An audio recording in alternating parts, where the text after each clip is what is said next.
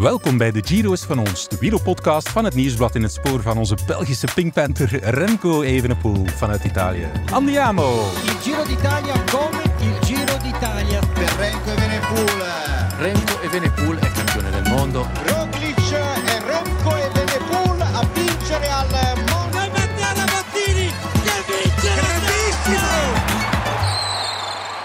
Mamma mia, met wat voor een statement is Remco de Giro begonnen. Ritwinst, de paarse trui, de witte trui en 43 seconden tijdwinst op zijn belangrijkste rivaal Primoz Roglic. 43 seconden op een tijdrit van amper 19,6 kilometer. Daar schrok Remco zelf ook van. Het was een beetje chaos na de etappe Casino, heet dat in Italië. Intussen heb ik geleerd dat dat erbij hoort. Voor de schermen staat iedereen te blinken in maatpak of galenjurk. Maar achter de schermen heerst er een chaos waarbij iedereen zich vreemd genoeg wel goed lijkt te voelen. Een voorbeeld van die Italiaanse chaos was ook de voorpagina van de Gazzetto dello Sport de dag van de Giro-start. Ze hadden de drie grote tenoren voor de tijdrit eh, Remco Evenepoel, Filippo Ganna en Primoz Roglic afgebeeld. En Roglic die had ja, de Belgische kleuren aan eh, zijn mouwtjes. En die Belgische kleuren waren uiteraard van het truitje van Wout van Aert. Dus ze hadden de kop van Primoz Roglic gemonteerd op, eh, op het lijf van Wout van Aert om het te doen kloppen, omdat, die, omdat ze zijn foto gevonden hadden in dezelfde pose als de andere twee. Maar eh, ja, die bandjes, die Belgische bandjes, hadden ze over het hoofd gezien. Dus Primoz Roglic was voor één dag een beetje een Belg. Maar te midden dat casino, die chaos, blonk een kleine jongen in de roze trui. En zijn jonge vrouw Oemi, die, had ook, eh, die was ook helemaal in het roze. Dat had ze eigenlijk al voor de etappe gedaan. Ze had een roze topje aan en een roze hoedje. Ja, zat er toch precies wel een goed oog in. En je kan nou wel zeggen dat die roze trui weegt, maar die indruk had je echt niet bij Remco en Oemi. Remco die stond vooral te blinken. Na zijn laatste persconferentie, dat was rond 18 uur en 5, een uur en 10 minuten nadat hij over de streep was gekomen, poseerde hij zelfs voor ons, voor de, alle journalisten en fotografen met een big smile, samen met Oemi, met een roze boeket. Dat had hij haar niet gegeven, maar dat had hij van op het podium naar haar geworpen. Zij stond daar beneden aan het podium en daar kon ik haar even spreken. In alle tumult. En ja, zij had toch iets meer oog voor Remco dan voor mij. Ik kon het haar echt niet kwalijk nemen. Dit is ons gesprek.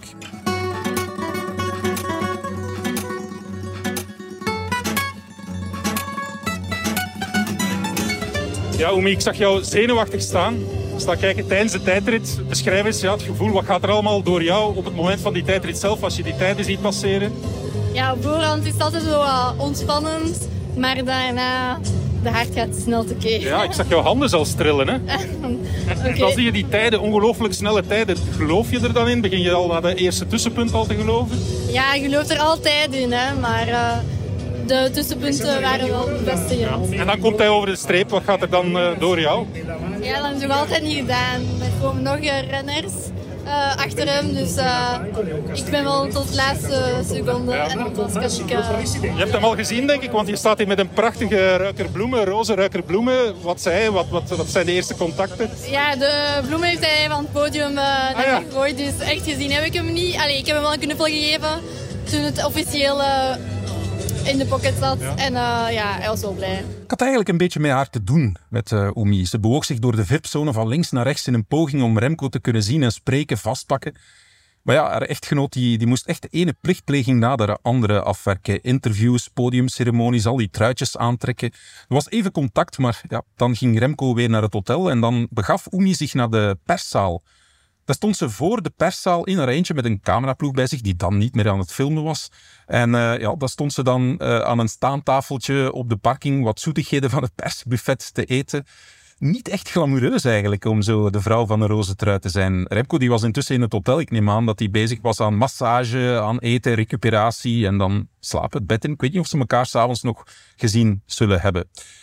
Remco die wil eh, ten volle genieten van die roze trui, samen met Oemi dus. Maar het is niet de bedoeling om die roze trui nu helemaal tot in Rome te dragen. In het ideale scenario gaat hij die roze trui de komende dagen afstaan. De vierde rit, die zou daarvoor ideaal zijn. Dat is een eh, rit met 3500 hoogtemeters, drie gecategoriseerde beklimmingen. En dan een aankomst eh, bergop, op een plateautje eigenlijk. Lago Laceno is dat. Dat zou eigenlijk ideaal zijn om die roze trui weg te geven aan iemand. Tot dinsdag in het roze dus om hem later in deze Giro terug te pakken. Dat is het plan van de Wolfpack.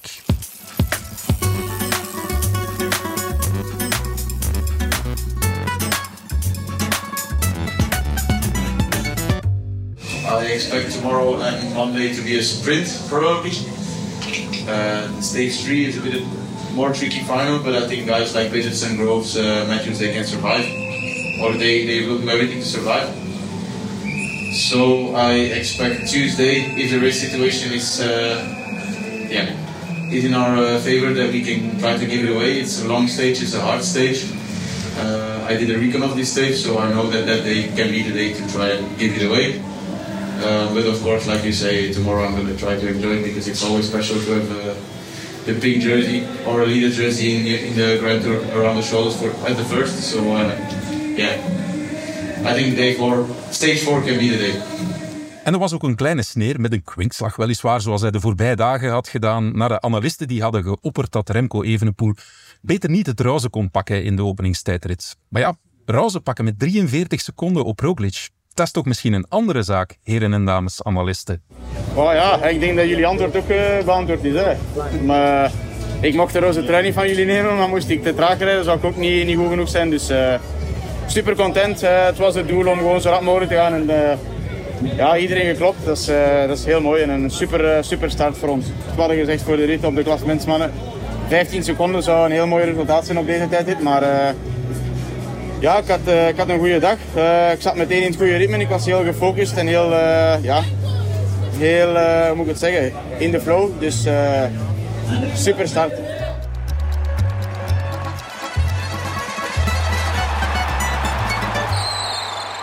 En dan spoelen we even een paar uur terug. Toen liep ik Patrick Lefevre tegen het lijf en zat in een openstaande koffer van een busje van zijn ploeg Soudal Quickstep met een stijlvol wit hoedje op als een echte capo. Opvallend vond ik toen de rust en de sereniteit die er heerste in het kamp van Remco Evenepoel. Vijver die zat gewoon op zijn gsm de tijdrit te volgen. En hij had er ook voor gezorgd dat er rust en sereniteit was bij zijn kopman, bij Remco Evenepoel zelf, door een hele dag een hotelkamer te huren in de startplaats Fossa. De verkenning die was tussen 11 en 12 uur en de tijdrit van Evenepoel die was om 16 uur 34. En in die hotelkamer kon Remco Evenepoel ontspannen en op het bed gaan liggen tussendoor. Toen ik Lefebvre sprak, dat was rond drie uur, anderhalf uur voordat Remco Evenepoel van het startpodium zou knallen, was de verwachting wel nog dat Filippo Ganna de tijdrit zou winnen. Wat ik ook opmerkelijk vond, dat was dat Lefebvre toen al over een plan sprak, mochten ze de roze trui pakken, dat ze die eventueel zouden kunnen weggeven aan een ploeg die dan later in de Giro een pondgenoot zou kunnen zijn. Ja, Lefebvre die is de baas van een roedel wolven, maar hij is en blijft vooral een sluwe tactische vos. Ja, Patrick, ik loop hier zo voorbij de finish en dan zit jij rustig in het busje zo met je een witte hoedje op, echt op zijn Italiaans. Genieten van de Giro start voor jou toch? Ja, het is een zeer lange dag en vervelende dag eigenlijk. Uh, maar ja, ik ben meegekomen met de ploeg. Uh, aan de start, ja, we zaten twee kilometer van de start. Ja, wat zit eigenlijk te doen? Dus ik heb de eerste renner van ons, Ballerini, gevolgd. De jongens staan hier om onze renners op te vangen. En dan gaan ze met de fiets naar het hotel. Dus het wordt ook voor hen een lange dag. Ja. Je hebt het hele parcours gevolgd. Ja. Hoe, hoe, is het? Welke indruk heb je? En we spreken nu nog voor Remco moet starten. Maar wat zijn jouw verwachtingen richting uh, zijn tijdrit? Ik zal maar niet... Niet de stad zijn. Ik zou maar niet geloven wat de Italiaan was. Ik bedoel, geloven dat de Italianen zijn. Annibali was op en neer. En als Ghana is het één vlakke fietspad. Met heel op het laatste paar bochtjes en dan uh, de klem naar de finish toe. Dus eigenlijk... Uh, grote mannen van uh, Cabaret, Ghana en Koen zijn qua, parcours waarschijnlijk bevoordeeld. Ik denk dat Remco dat liever zo had dat het wat meer op en neer was. Wat meer geaccidenteerd zoals ze bij ons zijn. Maar bon, iedere koers moet gereden worden. Hoe zit het met Remco vandaag? Want je vertelde daarnet al eventjes, ik hoop dat ik dat mag vertellen. Uh, het zal nadien pas uitgezonden worden. Jullie hebben speciaal een hotelkamertje gehuurd bij de start in Fossa Sesia. Waarom? Leg eens uit. Maar ja, dus bussen stonden op twee kilometer van de start. En uh, ja, er komt altijd volk rond. En uh, ze begrijpen dat niet, dat ze Remco niet kunnen zien. als je dan van de bus naar de start reed om parcours te verkennen... dan moet je like doen alsof dat je niks hoort en ziet, want anders raak je er niet. En ik denk voor de man of drie van de ploeg, uh, die kunnen een goede tijd neerzetten, hebben de kamer gehuurd, zodat ze kunnen een beetje op het bed rusten. Wanneer heb je het laatst gezien en wat is er gezegd geweest? Wat, uh... oh, ik, ik, ben vanmorgen heb ik hem gezien, want uh, Remco is altijd een vroege vogel aan tafel. En, ja. ja. Hoe laat dan? Hoe laat Oh, ik denk dat ik opgestaan ben, ja, ik weet niet. Ik denk dat hij half acht, acht uur al aan tafel was. Ja. Ja. Jij bent ook een vroege vogel? Ja, ik was vanmorgen om kwart voor vijf op. Mooi. Ja. Hoe komt dat? Eh, ik weet niet, het is volle maan zeg. Ja, het was volle maan. Ja. Eh, Maar je ziet dan Remco aan de ontbijttafel. Zeg, leg eens uit, hoe, Ja, welke renner heb je aangetroffen? Ja, geconcentreerd, zeer geconcentreerd. Ja, toch wel, toch wel. Eh, ik, bespeur, ik bespeurde nog geen stress. Maar ja, neem niet weg natuurlijk. Ja, hier vandaag ritten met de kampioen van België trui. En dan ja, de andere ritten in, pres- in C met de wereldkampioen trui. Tenzij dat hij roze of wet heeft. Maar ehm, nee, het was sereen, ik zal het zo zeggen. Er is vooraf zo gezegd van ja, Remco zou beter straks het roze niet pakken. Ik vind het een beetje een vreemd verhaal. Ik kan die roze trui toch altijd weggeven, denk ik dan. Eh, of, of, en die aandacht is het toch ook gewoon, hè? Voor de keer ben ik het eens met de journalist. Nee, ik denk, ja, als je dat kan pakken, moet je dat doen. Uh, Je had dat zo graag gewild dat twee alleen. En dan liet hij dan geloven dat hij hem had. Dat was op twee seconden. Ja. Dus eh, nu, als hij hem zou kunnen nemen, dan, dan moet je dat nemen. En dan de week die komt, morgen is een C op papier een vlakke red. Dan kun je altijd kiezen als er eh, een ontsnapping is wie erin zit. En dan kun je altijd zeggen, ja, misschien zijn er later wel eh, mensen dat we kunnen noemen dat ze zo mooi in de koers een compagnon de route. Voilà. Ehm, je kunt de trui, als je hem weg wil geven, kun je weggeven Voilà. aan iemand die u genegen is of je later nog kunt eh, gebruiken. Dankjewel, Patrick. En na de klinkende zege van zijn roze goudhaantje zag ik Lefebvre opnieuw. Hij stond na bij het podium, zo stil genietend, alles een beetje gadeslagend, echt in zijn typische stijl. En hij was ook al een beetje aan het uitkijken naar het Wolfpack-feestje in het hotel later. Dat is altijd met champagne en misschien dit keer wel rosé champagne. Kleine voetnoot in het gesprek eh, spreek ik nog van 44 seconden tijdwinst op Roglic. Dat waren er uiteraard maar 43. Ja, Patrick, we spraken elkaar daarnet in andere omstandigheden. Toen was het nog rustig, Remco moest starten. Ja, het is nu allemaal gebeurd. Die tussentijden, dat was ongelooflijk. Vanaf het eerste tussenpunt, hoe heb jij dat beleefd? Ja, heel rustig. Eh, ik zat eh, hier een beetje verder in, eh, in een klein bartje op een iPhone te kijken, ver buiten het school. Ja, En dan natuurlijk... helemaal in je eentje. Nou, ik zat... eh Alessandro is mij komen vervoeren en dan zaten er nog twee eh Waalse journalisten. En eh, natuurlijk, naarmate de wedstrijd vorderde, een beetje meer vooruit op je stoel. Ja. En ja, dan die tussentijden kwamen. Die eerste tussentijd, dat is direct een twintigtal seconden sneller Ja. dan al de rest. Ja, en dan eigenlijk de, de, de grootste tegenstander was zoals verwacht Ghana. Maar dan ja, op het einde pakt hij dan toch eh, nog redelijk veel voorsprong. Hè? Ja. Indrukwekkend, had je dit gedacht, dat dit, dit de signalen die eraan kwamen? Want het is niet niets, hè. Roglic eh, is Dus- de rest 44 seconden Het sneller. is gemakkelijk achteraf zijn. Ik had dat gedacht, ja, nee. We hadden natuurlijk hoop op die eh, overwinning, hoop op die trui. Ehm, maar met de voorsprong, daar waren we niet mee bezig. Het was eerst en vooral met de overwinning. En dan erachter, dan zien we wel. Ik ben het al intussen aan het kijken of dat je op Ja, ik dacht hier eraan dat ja. meisje met een roze trui. Met dat Womi, het is een Ja, het is Oemi inderdaad. En daar staat Remco in het roze. Jullie hebben hem nu, die roze trui. Ja. Er is vooraf, sommige mensen zeiden, ik ben het daar niet mee eens, maar van, hij kan hem beter niet pakken. Bon, hij heeft hem nu. Zeg eens, verdedigen, niet verdedigen, ervan genieten. Dat we nu dag per dag bekijken, heeft natuurlijk heel veel voorsprong genomen. Maar eh, we hoeven een beetje mensen te, te vinden die dezelfde belangen hebben. Maar aan de andere kant mogen we niet vergeten natuurlijk dat hij ja, roze trui heeft, hectische finales, dat hij moet uit de varenzone blijven. Ja. En dan zien we wel hoe dat we dat doen. Klein feestje, Wolfpack feestje vanavond in het hotel. Voor mij zal het niet liggen. Dankjewel, Patrick.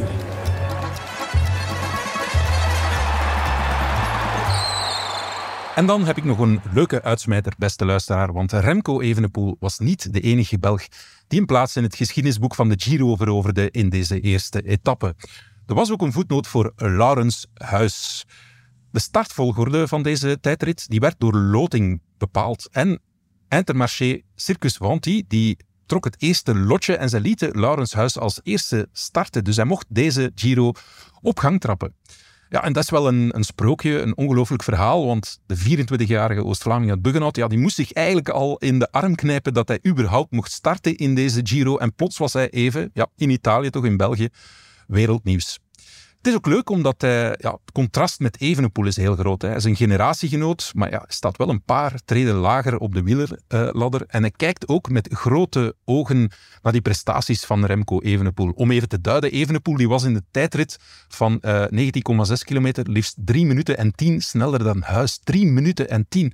En dan moet je weten, ja, die Laurens Huis is eigenlijk ook gewoon een gigantisch wielertalent die al veel harder kan fietsen dan, eh, ja, de gemiddelde wielertoerist, de gemiddelde uh, heel goede wielertoerist zelfs.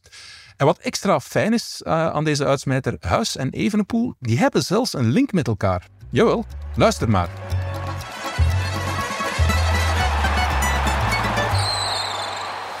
Ja, Laurens Huis, jij was plots niet wereldnieuws, maar toch in Italië en in België ook zeker. Je hebt deze Giro, deze 106e Giro mogen beginnen. Ja, hoe bijzonder is dat? Goh, uh, toch wel bijzonder. Ik had nooit gedacht om hier aan de start te staan, dus het is wel uh, heel tof dat ik hier sta. En zeker aan als eerste mogen starten, dat was echt wel toeval. Ja. Ben je daarop aangesproken geweest? Zijn daar grapjes over gemaakt, berichtjes gekomen, Italiaanse journalisten die jou geïnterviewd hebben? Nee, ik zeg eigenlijk, niet, eigenlijk niet zo heel veel speciaal. Uh, ik dacht eerst dat het een mop was, maar uiteindelijk leek het toch serieus te zijn. Ja. Dus uh, ik dacht eerst uh, ja, dat ze ermee aan het lachen waren, maar dan, ja, dan was het echt echt. Ja. Dus. En hoe is het? Ja, ik zag jou van het startpodium rijden. Er stond behoorlijk wat volk. deze grote ronde, hoe, wat voor een, een, verschil maakt dat met een gewone koers?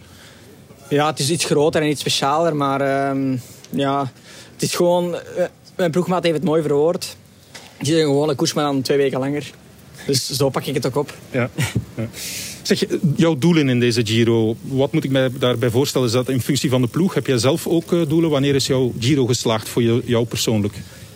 Uitrijden, denk ik? Ja, vooral dat. En dan is in ontsnapping mee zijn. Uh, goh, mogelijk de jongens proberen bij te staan. En vooral, ja, zoveel mogelijk uh, leren. Dus, ja. Ja. Wie denk jij dat deze Giro gaat winnen? Even een pool, denk ik, ja. ja. De man met de hoge VO2 max. ja, dat wel, ja. ja. Ik denk wel dat hij er heel dichtbij gaat bij zijn, ja. Natuurlijk, ja, er kan altijd veel gebeuren, maar goed, in mijn ogen is hij wel de favoriet. We gaan zien. Oké, dankjewel. Okay, merci. Ziezo, dat was het voor onze eerste worp vanuit Italië. Ik hoop dat jullie ervan genoten hebben. Vandaag gaat de tweede etappe in de Giro van Teramo naar San Salvo. Dat wordt natuurlijk een mooie dag in het roze voor Remco die wij uitgebreid gaan belichten. Maar het is ook een kans voor de sprinters om de ritzegen weg te kapen. En na de etappe zijn wij er uiteraard weer met een podcast. Tot dan!